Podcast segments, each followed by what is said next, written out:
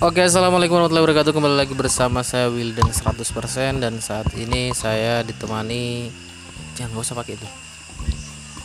Saya ditemani oleh mahasiswa akhir Poltanesa. Eh Poltanesa apa Politeknik? Politeknik Pertanian Negeri Samarinda. Itu biasanya disebutnya Poltek aja ya. Eh Politani karena Poltek itu biasanya orang kenal Polnes. Polnes. Karena Polnes sama Politani beda ya. Beda dong.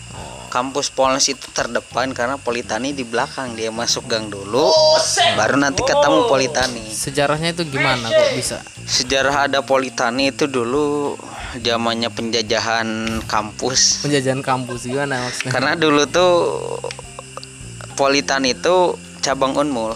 Cabang Unmul. Hmm. Oh, Politani itu cabang Unmul. cabang Unmul dulunya karena merasa terbebani Mm-mm. akhirnya mendeklarasikan kemerdekaannya Mm-mm. sehingga menciptakan kampus sendiri terakhirlah Poli- Politeknik Pertanian Negeri Samarinda Pertanian. Pertanian Negeri Samarinda Berarti F pertanian itu F pick ya? Eh. Apa sih kalau pertanian F apa sih? Fakultas Pertanian Ya itulah. Oke. Kita kita ngobrol sedikit ya.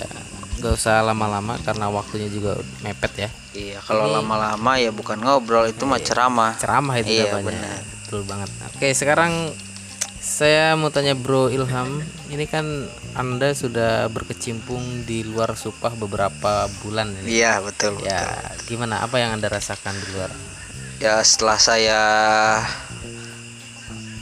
melakukan berbagai survive gitu Survive. mengelana mengelilingi bumi saya menemukan menemukan bagaimana caranya bertahan hidup Nah, caranya bisa mandiri sendiri walaupun memang berat gitu berat gitu ya. dan akhirnya ya setelah saya melakukan perjalanan panjang tersebut akhirnya ya saya memutuskan untuk kembali Kembali. Terus sebelumnya itu kenapa pengen keluar itu kenapa dulu itu? karena dulu saya pengen keluar ingin mencoba gitu Mencoba. bagaimana sih rasanya saya hidup sendiri gitu Nah, pengen tahu rasanya. pengen tahu rasanya gimana Dan terus karena setelah dilakukan gimana? setelah dilakukan memang rasanya berat lah Berat sekali. ya. Hmm.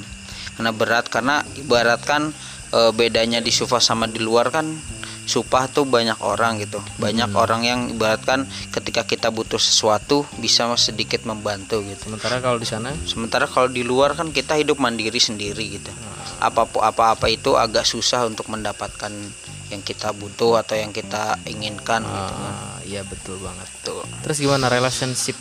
rela waduh ya Allah Kenapa kenapa? Dulu kayaknya pernah kepengen dapet pacar kayaknya. Udah kesampaian? belum sih Belum. karena gini ya saya saya mikirnya gini loh eh saya pacaran tuh buat apa gitu Buat apa? Tapi dulu kok sempet gitu ya pengen. itu kan dulu ibaratkan dulu tuh masa-masanya menggebu-gebunya pubertas gitu Hmm, seorang laki-laki yang baru tumbuh pubertas ingin merasakan bagaimana dalamnya asmara. Dalam ya asmara. ingin merasakan bagaimana disentuh oleh cinta gitu. Heeh, terus? Sehingga dulu itu sangat menggebu-gebu ingin mendapatkan seorang wanita untuk pendamping. Akhirnya Tapi bertemu akhirnya- pada satu titik di mana? Bertemu pada satu titik jenuh.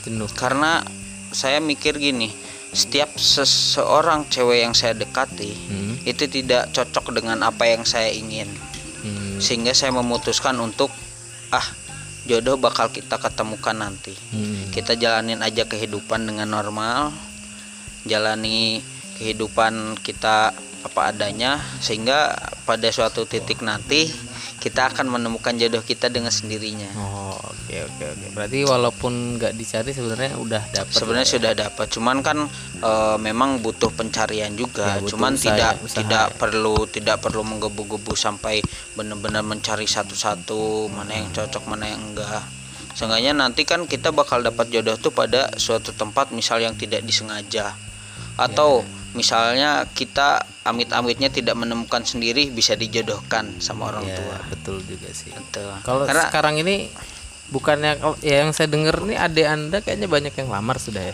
wah subhanallah itu saya sangat tidak setuju Kenapa? dengan yang lamar-lamar itu Kenapa kenapa? kenapa? karena adik saya adik saya tuh lebih apa sedang memiliki cita-cita yang tinggi Oh. sehingga tidak bisa diganggu oleh hal-hal semacam itu. Sehingga saya siapa pun yang mendekati adik saya yang ingin bermaksud melamar atau apa pun itu saya larang dulu untuk saat ini. Tapi bukannya kalau lamaran itu kan berujung pada pernikahan dan itu memang suatu kodrat manusia kan? ya untuk memang seperti itu. Tapi untuk saat ini saya melarang semuanya siapa pun. Karena saya mengerti bagaimana adik saya ingin eh, mencapai kesuksesannya dia dulu ingin ingin menggapai impiannya dulu makanya saya tidak setuju atas siapa pun yang mendekati Apa yang sekarang diimpikan adik anda?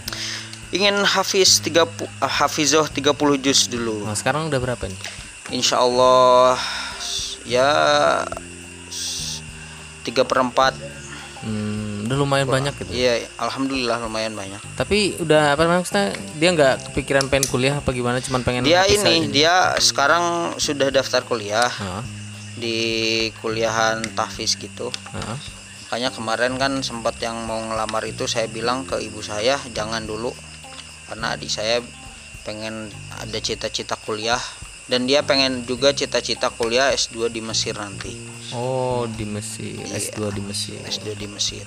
Makanya saya saya eh, memutuskan untuk menahan dulu siapa pun yang ingin mendekati adik saya. Walaupun memang dengan bermaksud baik, tapi bukan tentu eh, itu bisa mendorong kesuksesan adik saya nanti. Gitu. Sebenarnya bicara ngomongin adik, sebenarnya kita menghadapi situasi yang sedikit sama gitu. Adik saya juga sudah banyak yang lamar sebenarnya. Cuman ya karena berhubung adik saya tidak ingin melangkahi saya sendiri gitu. Iya. Ya Riku sih kalau di keluarga itu melangkahi yang lebih tua itu Riku. Ah, ah, bener-bener. Padahal sih saya mah bodoh amat mau mau mau duluan ya silahkan Iya, gitu. karena memang kan namanya jodoh itu tidak ditentukan dari tingkatan kita Iya. kapan lahir duluan Iya. atau eh, siapa kakaknya kan. Iya, memang jodoh kan sudah ditentukan eh, siapa duluannya gitu. siapa duluan Hmm. ya kalau cewek sih wajar kalau mau nikah cepet ya Benar-benar benar. cuman entah kenapa mungkin masih rikuh juga masih kecil juga mungkin ya dia mikirnya padahal mau udah lulus juga dia Mungkin eh, mikirnya gini loh, eh, seseorang yang baru lulus SMA Nah, itu harus me- apa? Harus merasakan dulu bagaimana rasanya kehidupan di luar, bagaimana rasanya eh, memaknai hidup dulu. nah Jika- anda ini jika- kan skor- seorang perantauan dari Jawa Barat ya betul betul. ya mungkin anda punya pesan sesuatu kepada para perantau di seluruh dunia ini Untuk perantau ya gini aja sih kalau kalau merantau mau sukses, cari-carilah banyak teman. Ketika kamu lapar, kamu bisa berkunjung ke rumah teman tersebut. Makanya saya selama di rantau ini tidak banyak mengeluarkan uang. itu trik sukses atau trik numpang supaya hemat budget Sebenarnya kan trik sukses itu tidak perlu tidak perlu mengeluarkan banyak uang. ya Kita perlu menghemat juga kan, apalagi sekarang apa seorang anak rantau itu memerlukan banyak biaya, tidak hanya untuk makan, banyak biaya yang lain. Makanya eh, saya sendiri itu menekan biaya makan itu ya dengan saya main-main jalan-jalan ke rumah orang, sehingga biaya biaya saya untuk makan bisa ditekan dan dipergunakan dengan kebutuhan yang lainnya. Kalau menurut kacamata religi namanya silaturahmi ya? Ya silaturahmi. Se- apa? Itu juga bisa disebut mempererat tali silaturahmi. Dengan kita sering berkunjung ke rumah orang sehingga kita eh, mendekatkan diri kepada apa mereka gitu sehingga lebih akrab gitu. Sehingga kita kan punya relasi lebih lebih luas lagi gitu. Relasi ya. Betul betul betul.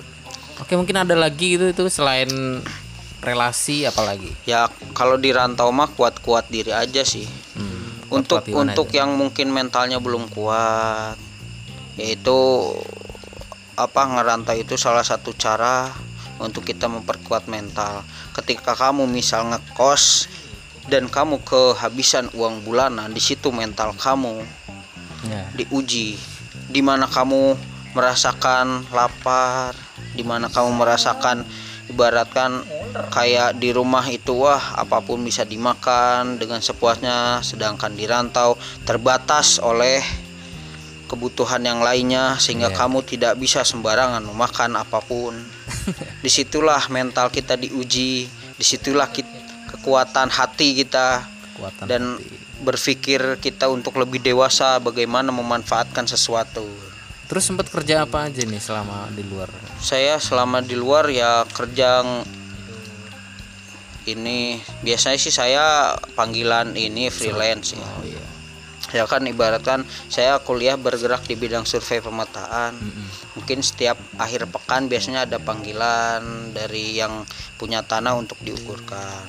Sementara dari situ. Ya mungkin ada eh, sampingan-sampingan lain. Entah itu ya saya paling disuruh-suruh orang mau kerjain sebenarnya itu kunci sukses seorang perantau itu apa pun yang disuruh orang kerjakan Ya, untuk selama- mendapatkan uang tambahan Iya iya bisa bisa bisa bisa. Selain itu apa lagi tuh silaturahmi terus yang kedua kuatkan mental gitu kan. mental.